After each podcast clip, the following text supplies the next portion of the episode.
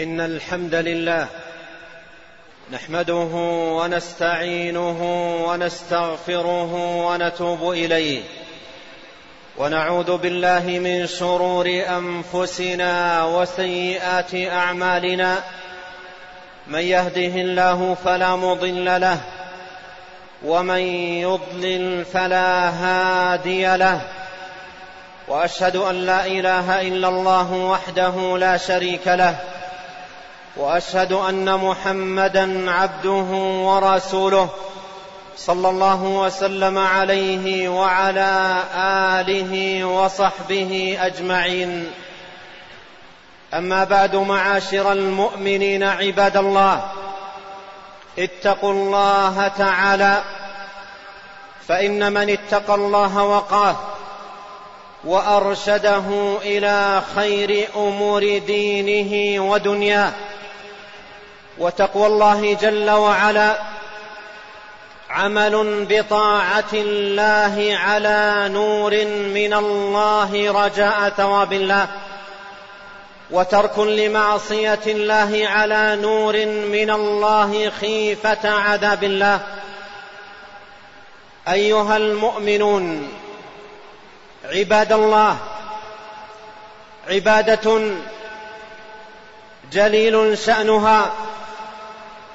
عظيم قدرها حبيبة إلى الرب جل شأنه يسيرة على الإنسان ثوابها عند الله جل وعلا عظيم وهي ثقيلة في الميزان يوم القيامة ألا وهي تسبيح الله جل وعلا فالتسبيح عباد الله عبادة جليلة وطاعة عظيمة وورد في فضله نصوص متكاثرة وأدلة متضافرة وهو إحدى الكلمات الأربع التي هي أحب الكلام إلى الله جل وعلا. ففي صحيح مسلم عن النبي صلى الله عليه وسلم أنه قال أحب الكلام إلى الله أربع سبحان الله والحمد لله ولا إله إلا الله والله أكبر ولقد تكرر ورود التسبيح في القرآن تكررا كثيرا يزيد على الثمانين مرة بصيغ متعددة ومقامات متنوعة مما يدل على مكانة التسبيح العلية ومنزلته الشريفة. والتسبيح عباد الله عبادة خفيفة على اللسان لكنها في الميزان ثقيلة. يقول عليه الصلاة والسلام كما في الصحيحين وغيرهما من حديث أبي هريرة رضي الله عنه قال صلى الله عليه وسلم كلمتان خفيفتان على اللسان ثقيلتان في الميزان حبيبتان إلى الرحمن سبحان الله وبحمده. سبحان الله العظيم. أيها المؤمنون والتسبيح عبودية الكائنات بأسرها فالكائنات كلها تسبح الله جل وعلا. السماوات معاشر المؤمنين تسبح الله والأرض تسبح الله والجبال تسبح الله والطير والحيوانات تسبح الله وجميع الكائنات تسبح الله.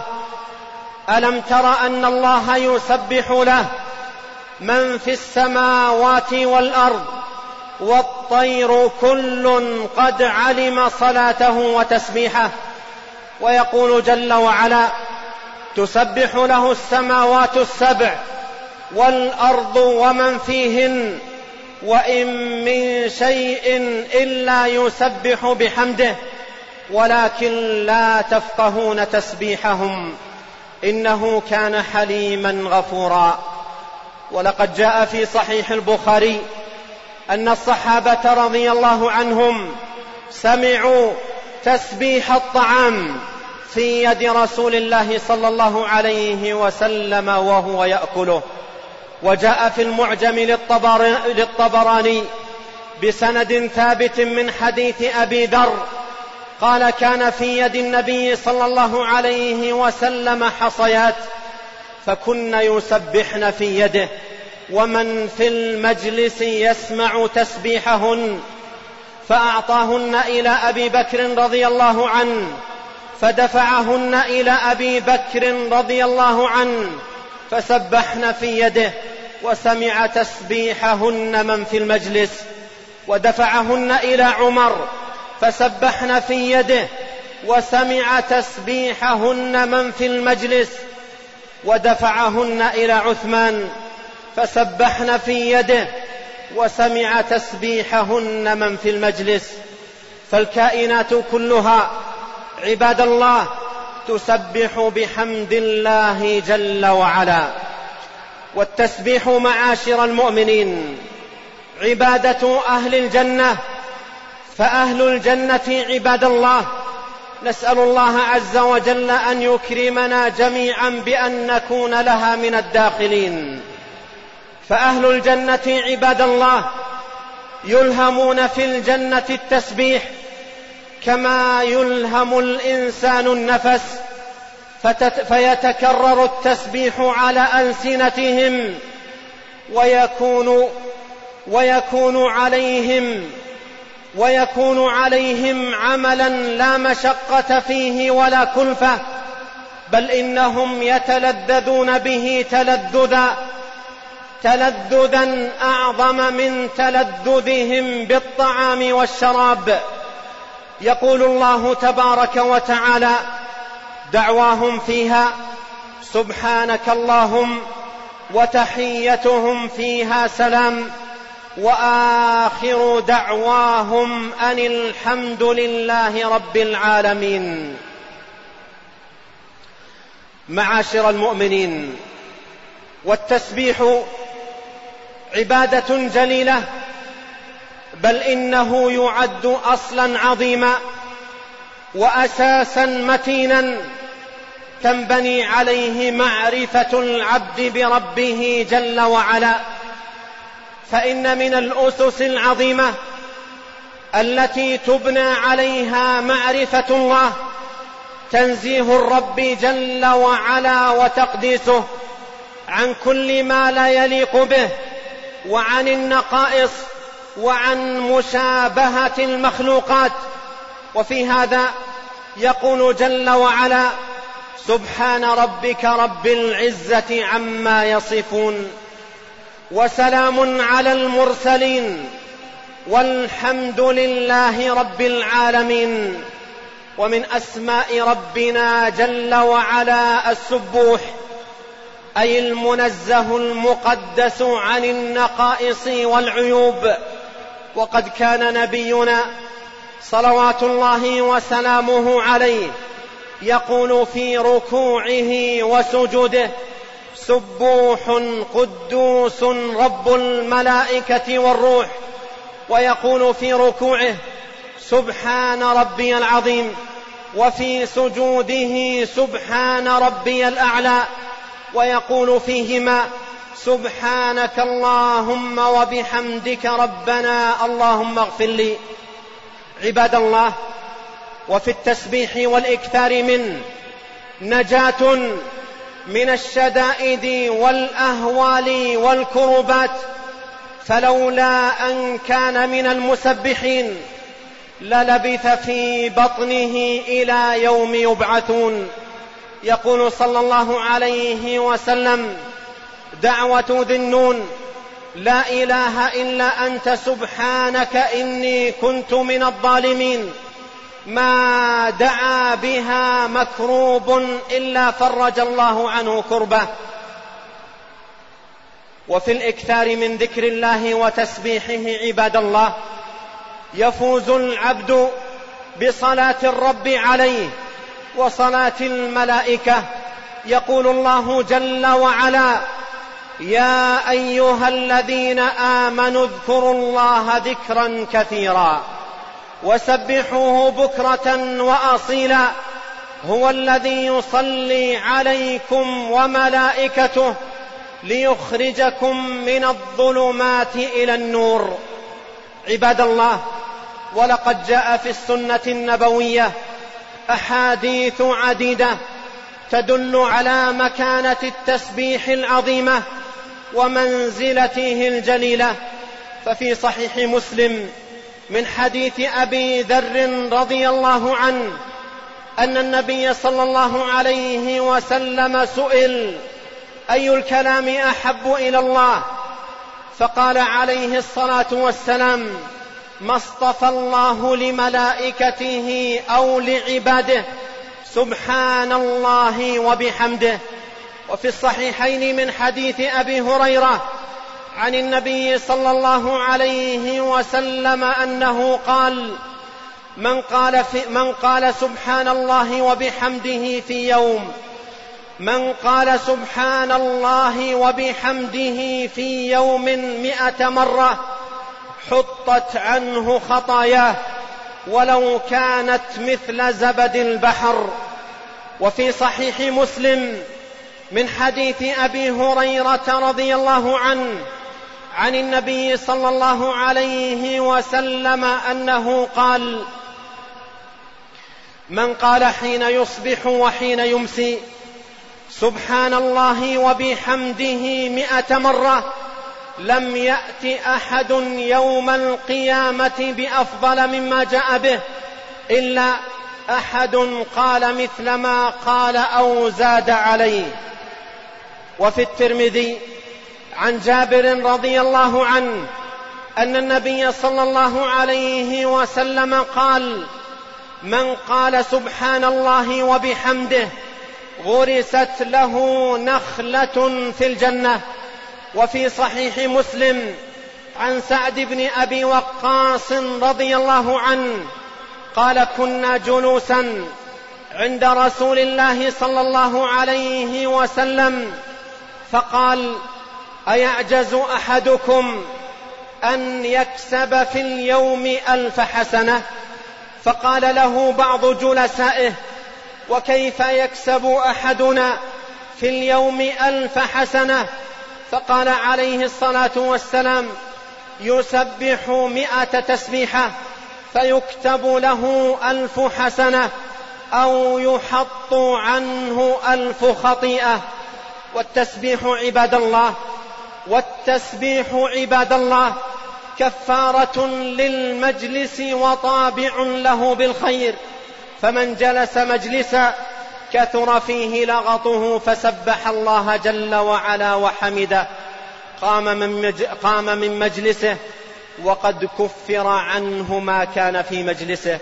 ففي الترمذي وغيره عن النبي صلى الله عليه وسلم أنه قال من جلس مجلسا كثر فيه لغطه فقال فقال قبل أن يقوم من مجلسه سبحانك اللهم وبحمدك أشهد أن لا إله إلا أنت أستغفرك وأتوب إليك إلا غفر له ما كان في مجلسه ذلك. وفضائل التسبيح عباد الله كثيرة. وفوائده عديدة لا تستحصى لا تعد ولا تحصى. فلنكثر عباد الله من التسبيح بحمد الله ولنكثر من الثناء على الله جل وعلا. وإنا لنسأل الله عز وجل ونرجوه أن يجعلنا من عباده المسبحين من عباده الذاكرين من عباده الشاكرين. أقول هذا القول وأستغفر الله لي ولكم ولسائر المسلمين من كل ذنب فاستغفروه يغفر لكم. إنه هو الغفور الرحيم. الحمد لله عظيم الإحسان واسع الفضل والجود والامتنان وأشهد أن لا إله إلا الله وحده لا شريك له واشهد ان محمدا عبده ورسوله صلى الله وسلم عليه وعلى آله وصحبه أجمعين. أما بعد معاشر المؤمنين عباد الله اتقوا الله تعالى وراقبوه مراقبة من يعلم أن ربه يسمعه ويراه. واعلموا رعاكم الله أن أصدق الحديث كلام الله وخير الهدى هدى محمد صلى الله عليه وسلم وشر الأمور محدثاتها وكل محدثة بدعة وكل بدعة ضلالة وعليكم بالجماعة فإن يد الله على الجماعة. واعلموا رعاكم الله أن الكيس من عباد الله من دان نفسه وعمل لما بعد الموت والعاجز من أتبع نفسه هواها وتمنى على الله الاماني وصلوا وسلموا رعاكم الله على محمد بن عبد الله كما أمركم الله بذلك في كتابه فقال إن الله وملائكته يصلون على النبي. يا أيها الذين آمنوا صلوا عليه وسلموا تسليما. وقال صلى الله عليه وسلم من صلى علي واحدة صلى الله عليه بها عشرا. اللهم صل على محمد وعلى آل محمد كما صليت على إبراهيم وعلى آل إبراهيم إنك حميد مجيد. وبارك على محمد وعلى آل محمد كما باركت على إبراهيم وعلى آل إبراهيم إنك حميد مجيد. وارض اللهم عن الخلفاء الراشدين الأئمة المهديين أبي بكر وعمر وعثمان وعلي وارض اللهم عن الصحابة أجمعين وعن التابعين ومن تبعهم بإحسان إلى يوم الدين وعنا معهم بمنك وكرمك وإحسانك يا أكرم الأكرمين اللهم أعز الإسلام والمسلمين وأذل الشرك والمشركين ودمر أعداء الدين واحم حوزة الدين يا رب العالمين. اللهم آمنا في أوطاننا وأصلح أئمتنا وولاة أمورنا واجعل ولايتنا في من خافك واتقاك واتبع رضاك يا رب العالمين. اللهم وفق ولي أمرنا لهداك واجعل عمله في رضاك. اللهم واعنه على طاعتك يا حي يا قيوم. اللهم وفق جميع ولاة أمر المسلمين للعمل بكتابك وتحكيم شرعك واتباع سنة نبيك محمد صلى الله عليه وسلم واجعلهم رحمة على عبادك المؤمنين. اللهم آت نفوسنا تقواها زكها أنت خير من زكاها أنت وليها ومولاها. اللهم أعنا ولا تعن علينا وانصرنا ولا تنصر علينا وامكر لنا ولا تمكر علينا. واهدنا ويسر الهدى لنا وانصرنا على من بغى علينا. اللهم اجعلنا لك ذاكرين لك شاكرين إليك أواهين منيبين لك مخبتين لك مطيعين. اللهم تقبل توبتنا واغسل حوبتنا وثبت حجتنا واهد قلوبنا وسدد ألسنتنا واسلل سخيمة صدورنا. اللهم وأصلح ذات بيننا وألف بين قلوبنا واهدنا سبل السلام وأخرجنا من الظلمات إلى النور. اللهم وبارك لنا في أسماعنا وأبصارنا وأزواجنا وذرياتنا وأموالنا وأوقاتنا. اللهم واجعلنا مباركين أينما كنا. اللهم أعنا على ذكرك وشكرك وحسن عبادتك. اللهم اغفر لنا ولوالدينا ولمشايخنا وللمسلمين والمسلمات والمؤمنين والمؤمنات الأحياء منهم والأموات. ربنا إنا ظلمنا أنفسنا وإن لم تغفر لنا وترحمنا لنكونن من الخاسرين. ربنا آتنا في الدنيا حسنة وفي الآخرة حسنة وقنا عذاب النار. عباد الله اذكروا الله يذكركم واشكروه على نعمه يزدكم ولذكر الله أكبر والله يعلم ما تصنعون.